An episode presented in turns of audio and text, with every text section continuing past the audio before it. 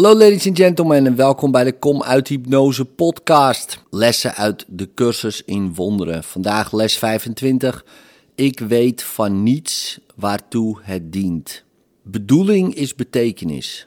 Het idee van vandaag verklaart waarom niets wat jij ziet iets betekent. Jij weet niet wat het toe dient. Daarom is het voor jou zonder betekenis. Alles is in jouw hoogste belang. Dat is waartoe het dient, dat is de bedoeling ervan, dat is wat het betekent. Door dit in te zien worden je doelen eenduidig. Door dit in te zien krijgt wat je ziet betekenis. Je ziet de wereld met alles daarin als betekenisvol gemeten naar ego-doelen. Deze doelen hebben niets te maken met wat in jouw hoogste belang is, want jij bent het ego niet. Deze verkeerde vereenzelviging ontneemt jou het vermogen van iets te begrijpen waartoe het dient. Als gevolg daarvan zul je het onherroepelijk misbruiken. Wanneer je hiervan overtuigd bent, zul je proberen de doelen die jij aan de wereld hebt toegekend in te trekken, in plaats van moeite te doen ze te versterken. Je kunt de doelen die jij nu waarneemt ook anders omschrijven door te zeggen dat ze allemaal om persoonlijke belangen draaien.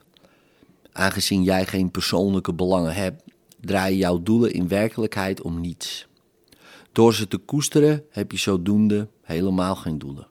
En dus weet je van niets waartoe het dient. Voordat je enige zin kunt ontdekken in de oefeningen voor vandaag, is nog een andere gedachte nodig. Op de meest oppervlakkige niveaus herken je wel degelijk bedoeling. Maar bedoeling kan niet op die niveaus worden begrepen. Je begrijpt bijvoorbeeld dat een telefoon dient om met iemand te spreken die zich niet lijfelijk in je onmiddellijke omgeving bevindt. Wat jij niet begrijpt is waarvoor je hem wil bereiken.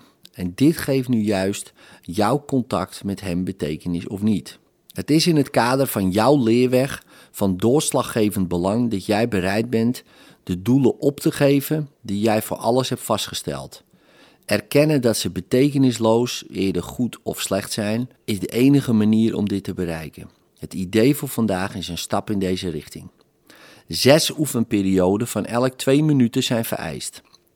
Je dient elke oefenperiode te beginnen met een langzame herhaling van het idee voor vandaag, waarna je om je heen kijkt en je blik laat rusten op alles waar toevallig je oog op valt, dichtbij of veraf, belangrijk of onbelangrijk, menselijk of niet menselijk.